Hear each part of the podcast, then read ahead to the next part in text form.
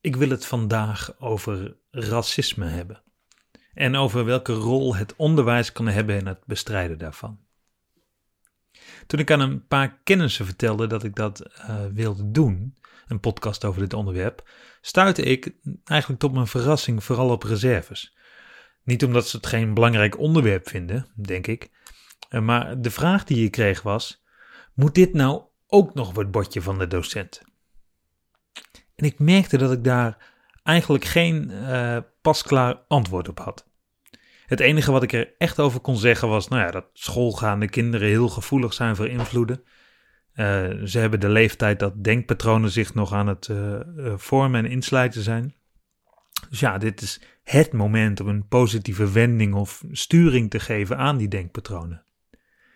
Kortom, school is een goede plek om het hierover te hebben. Maar die vraag hield me wel bezig. Of dit thema nou ook op het bordje van de docent moest. Want ja, nou mijn argument, uh, dit is de leeftijd dat je goed kan leren. Uh, ja, dat geldt natuurlijk eigenlijk voor ieder thema. Maar goed, misschien uh, hield niet de vraag me bezig, maar dat dit thema iets is wat me aan het hart gaat. Maar dat ik eigenlijk geen pasklare antwoorden heb als iemand me, nou ja, een beetje kritische vragen hierover stelt. Blijkbaar. Ik vind het een erg belangrijk onderwerp, maar als ik er erg goed over nadenk, merk ik dat ik het ook vooral moeilijk en ingewikkeld vind.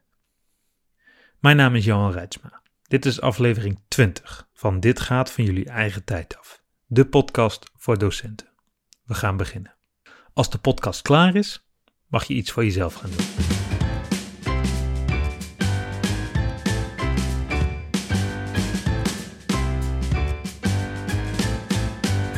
Toch wil ik het vandaag over racisme hebben. Omdat iets moeilijk of ingewikkeld vinden nooit een argument moet zijn om ergens van weg te lopen of het er niet over te hebben.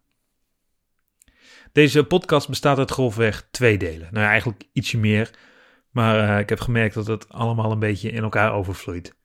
Deel 1 gaat over de contacttheorie van Gordon Elpert. En uh, in het tweede deel duiken we in wat je als docent kan bijdragen op het gebied van het tegengaan van racisme. Een belangrijke theorie op het gebied van bestrijding van racisme is de contacttheorie van Gordon Elpert. De contacttheorie stelt dat onder de juiste omstandigheden persoonlijk contact een van de meest effectieve manieren is om wederzijdse stereotypen en vooroordelen tussen leden van verschillende groepen te verminderen. Kort samengevat, contact. Niets meer, niets minder. Elpert vermoedde dat vooroordelen, haat en racisme voortkomen uit een gebrek aan contact. Uh, we generaliseren in het wilde weg over vreemdelingen omdat we ze niet kennen. En dus ligt de oplossing voor de hand.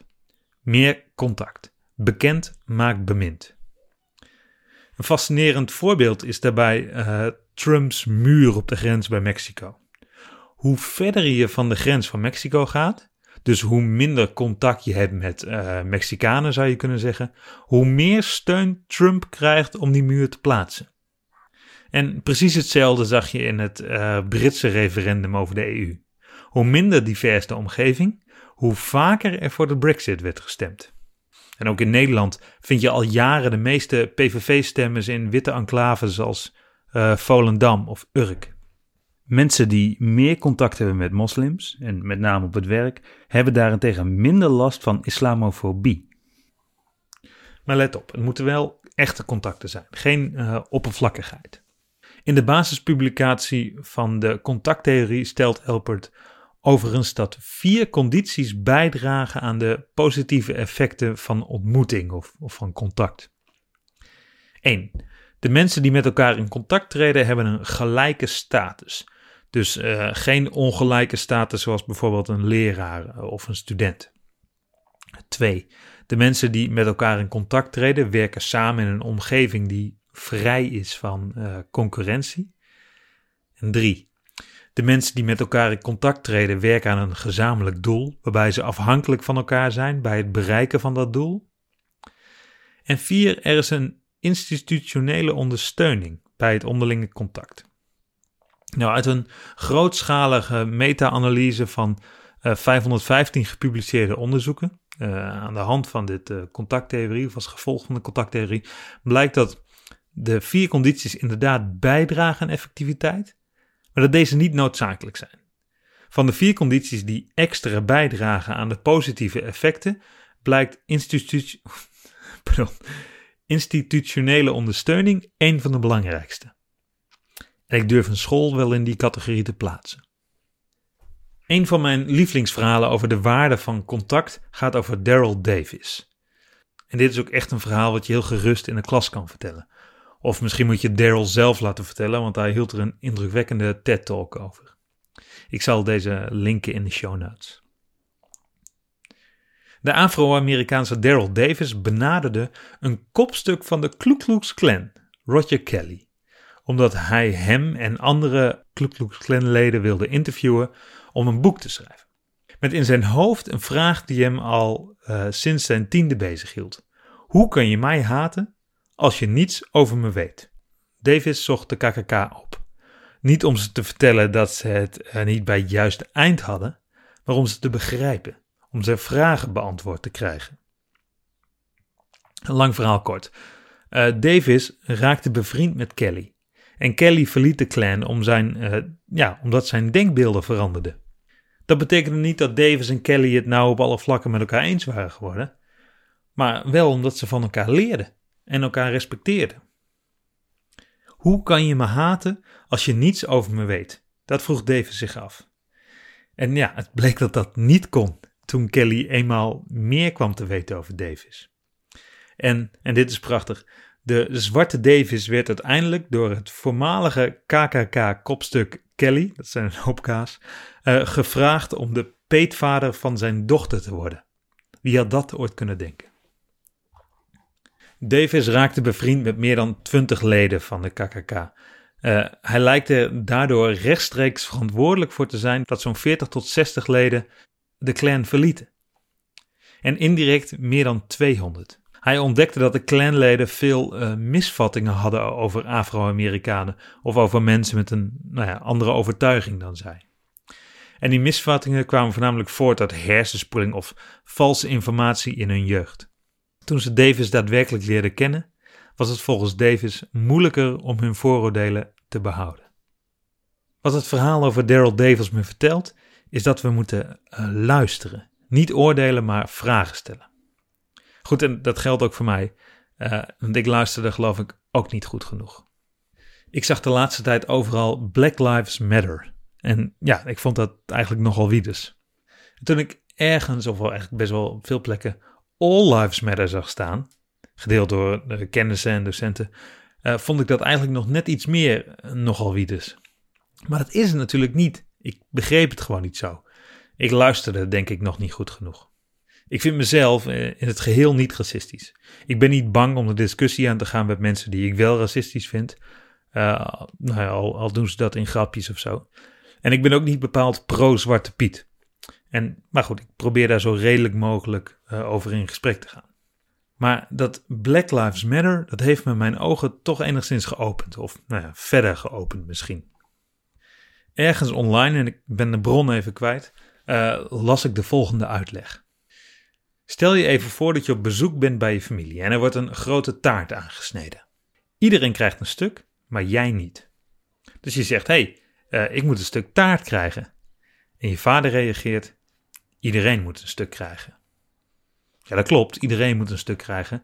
En eigenlijk is dat ook het punt wat je wil maken. Uh, jij maakt onderdeel uit van iedereen en jij zou dus een stuk moeten krijgen. Maar door die opmerking van je vader wordt jouw opmerking een soort van overruled. Je vader veralgemeniseert het eigenlijk. Ja, en dat lost jouw probleem niet op. Het klopt op zich wel wat hij zegt. Maar ja, je hebt nog steeds niks. En zo gaat het iedere verjaardag. Iedereen krijgt een stuk, maar jij niet. En als je zegt, oeh, ik heb niks, zegt je vader of iemand anders, iedereen moet krijgen. En daar zijn we het natuurlijk allemaal over eens. Het probleem is dat de uitspraak ik moet ook een stuk taart krijgen, want dan is het eerlijk verdeeld, een impliciete ook kent, of een stille ook, hoe je het wil noemen. Ik moet ook een stuk taart krijgen, want dan is het eerlijk verdeeld. Maar je vader, in dit voorbeeld dan, zette jouw opmerking weg alsof je zei: alleen ik moet een stuk taart krijgen. Wat natuurlijk helemaal niet je bedoeling is. Het gevolg is dat zijn opmerking: iedereen moet een stuk krijgen, want dan is het eerlijk verdeeld, natuurlijk wel waar is, maar het probleem negeert wat je probeert aan te kaarten. Want het was niet eerlijk verdeeld. Jij had niets. En dit is ook de situatie met de Black Lives Matter beweging. Er wordt door allerlei mensen geroepen dat all lives matter, niet alleen de Black Lives. Ja, natuurlijk doen alle levens dit toe. Maar goed, het politiegebeld tegen zwarte mensen ligt in Amerika nog vele malen hoger dan tegen blanke Amerikanen. En dichter bij huis, een uh, donkere jongeman in een grote auto wordt echt vaker, zogenaamd steekproefsgewijs, staande gehouden dan een blanke jongen in dezelfde auto. Of in het onderwijs dan. Keer op keer stellen onderwijs, of onderzoekers moet ik zeggen, sorry, uh, vast dat kinderen met een autochtone achtergrond een hoger schooladvies krijgen dan hun klasgenoten met een allochtone achtergrond. Zelfs als ze even goed presteren op de eindtoets. Terug naar de taart. Net als ik moet een stuk taart krijgen, dan is het eerlijk verdeeld, heeft de uitspraak Black Lives Matter of zwarte levens doen ertoe een impliciete ook. Want ook zwarte levens doen ertoe. Black Lives Matter too.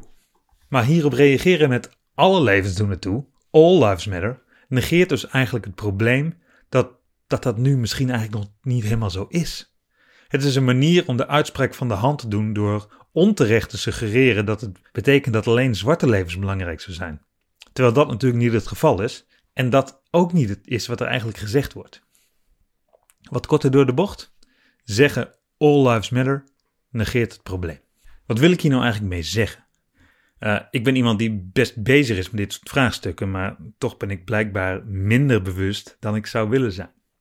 Misschien word ik wel afgeleid doordat mijn aandacht te veel uitging naar de zinnen en woorden die uitgesproken werden, en hoorde ik daardoor niet wat er eigenlijk gezegd werd. Daarmee wil ik het belang van de juiste woorden niet ondermijnen, maar ik wil maar zeggen uh, dat door de focus op de vorm de blik op de inhoud soms verloren gaat, ook al voel je je behoorlijk betrokken met de inhoud. In een interview met de Groene Amsterdammer zegt Halle Gorashi, en ik hoop dat ik haar naam goed uitspreek, hoogleraar diversiteit en integratie aan de Vrije Universiteit, dat Nederland best wel racistisch is. Ze plaatst daar direct een belangrijke nuance bij. We zijn ons daar lang niet altijd van bewust. En dat maakt het ook zo moeilijk om er iets aan te doen.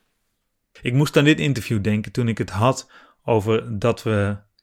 Uh, dat ik minder nadruk zou moeten leggen op welke woorden er worden uitgesproken, maar meer op waarom ze worden uitgesproken. Haleh Gorashi gaf in hetzelfde interview een geweldig voorbeeld van impliciet racisme. Het gaat over woorden daarom. Haar voorbeeld gaat over net afgestudeerde rechtenstudenten met een migratieachtergrond.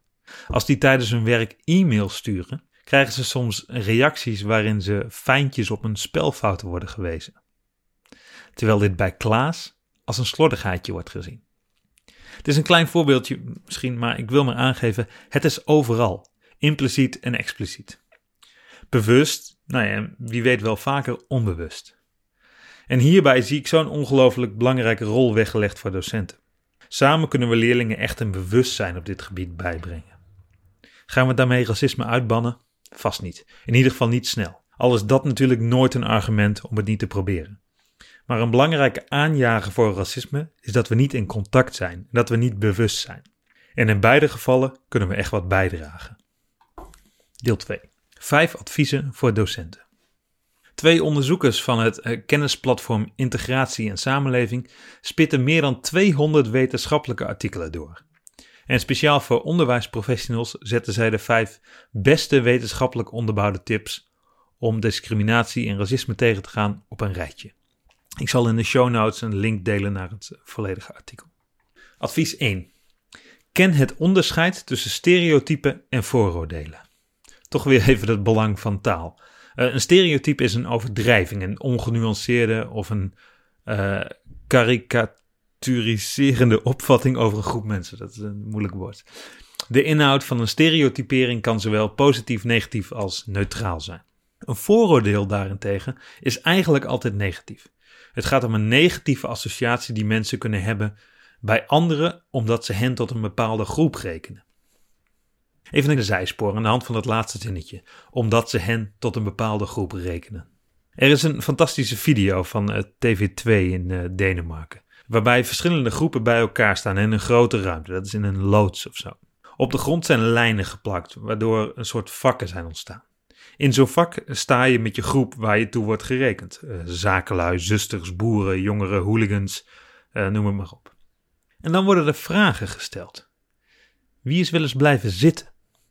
Deze mensen komen naar voren en vormen samen een nieuwe en, nou ja, toch wel verrassende groep. En het plaatst de netogende zakenman naast de kleerkast met de tatoeages in zijn gezicht. En deze vragen blijven maar doorgaan. En de nieuwe groepen blijven zich vormen. Wie houdt er van dansen? Wie gelooft er in leven na de dood? Wie had er seks afgelopen week? Wie voelt zich soms eenzaam?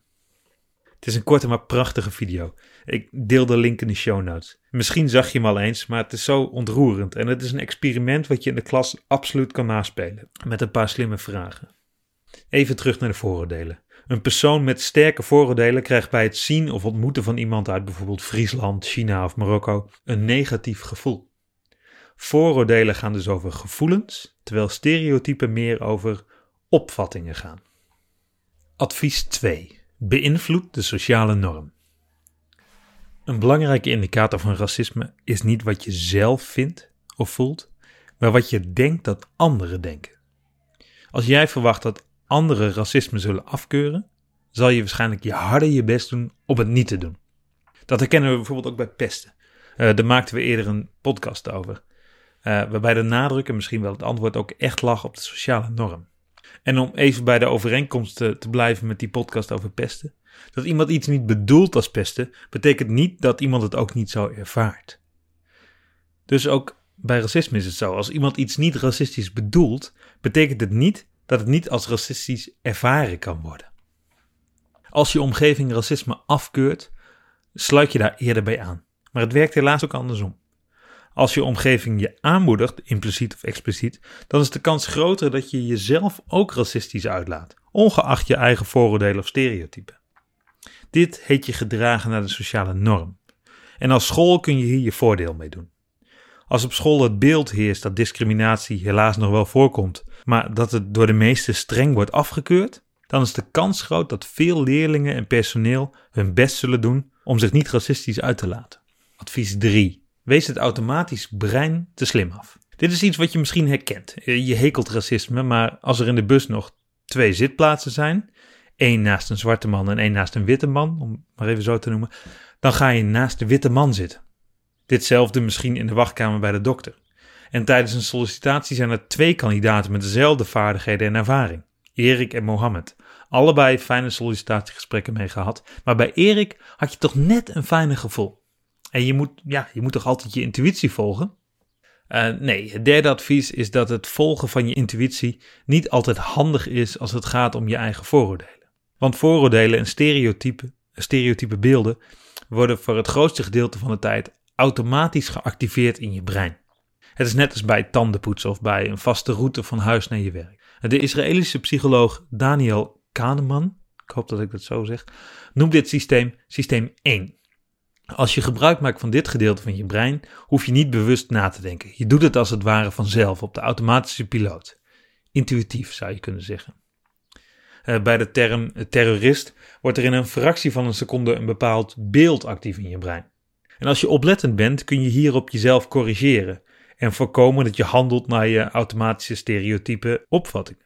Als je op die manier wel overwogen en bewust nadenkt, werkt je brein via systeem 2.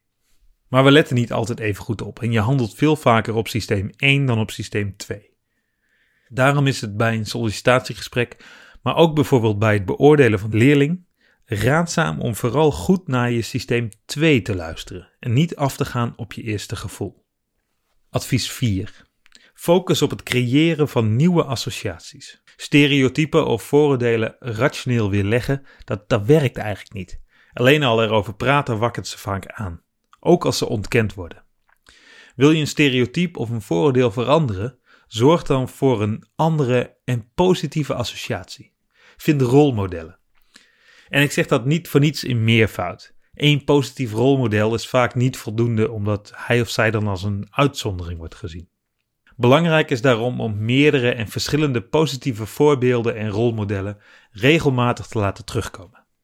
Herhaling is immers de basis van het leren.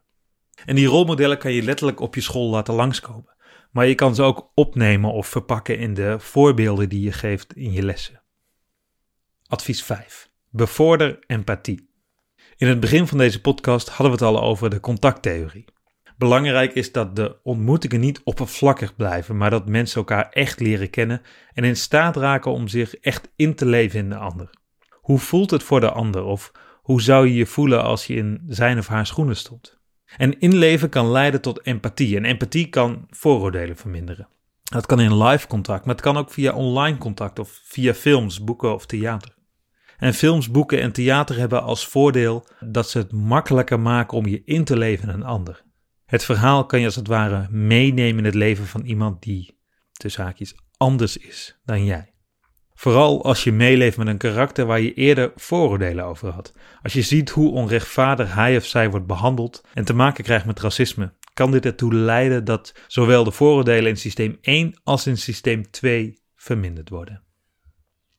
In de klas aandacht geven aan racisme is vreselijk moeilijk, omdat het zulke ingewikkelde materie is en er geen simpele, snelle antwoorden zijn. En je kan, misschien wel daarom, eh, best wel op je bek gaan als docent. En misschien moet je je hele klas wel gaan vertellen dat ons zelfbeeld van een tolerante, gastvrije, kleurenblinde natie niet helemaal blijkt te kloppen. Niet direct een boodschap die we met plezier uitdragen. Aan het begin van deze podcast zei ik dat ik het ingewikkeld vind dat ik geen pasklare antwoorden heb. En nu ik er dieper ingedoken ben, uh, heb ik wel iets meer antwoorden, maar ook wel veel meer vragen. Ik realiseer me nu ook dat ik misschien geen pasklare antwoorden hoef te hebben maar dat ik bewuster ben en het thema op de agenda moet houden. Dat ik in contact moet blijven, omdat dat verbindt. En moet het ook op de agenda van de docent? Heeft hij zijn bordje niet al vol genoeg? Daar begonnen we mee. Dat bordje is mogelijk inderdaad vol genoeg. Maar dat betekent niet dat dit er niet op moet. Misschien moet er dan wel gewoon iets anders af, zodat er ruimte ontstaat voor dit thema. En misschien moeten we ons best doen om het niet als een taak te benaderen, als iets wat we ook moeten doen, maar als iets wat we allemaal verweven in wat we vertellen aan leerlingen. Misschien moeten we gaan voor een bewustzijn waarbij wij als docenten aandacht hebben voor wie er een rol spelen in de voorbeelden die we gebruiken. In de keuzes die we maken over welke actualiteit we koppelen aan de lesstof. Uh, of in de opdrachten die we geven. In de onderwerpen die we behandelen en de discussies die we aanzwingelen. En misschien moeten we grote en kleine verhalen vertellen die tot overpeinzing stemmen. Zoals ik met deze podcast een klein beetje heb proberen te doen. Ik hoop dat er iets is wat je een nieuw inzicht of een perspectief gaf. Dat deed het voor mijzelf wel. Om het effectief te hebben over racisme is het belangrijk om te weten wie je bent. Wat je zelf doet en kan doen en waar je het over hebt. Structurele aandacht voor racisme in het onderwijs uh, zou zich dan ook niet moeten richten op of iets goed of fout is. Maar leerlingen moeten aanmoedigen om actief te onderzoeken hoe zij tegenover bepaalde onderwerpen staan. En ja, het onderwijs heeft daar echt een belangrijke rol in. Ik las dat het onderwijs uh, een hoger doel dient dan het aanleren van kennis, vaardigheden en attitude. Het gaat om het voorbereiden van individuen op de wereld die komen gaat. En in die wereld die komen gaat, daar is wat mij betreft geen plaats meer voor racisme. Tot zover. Je mag iets voor jezelf gaan doen.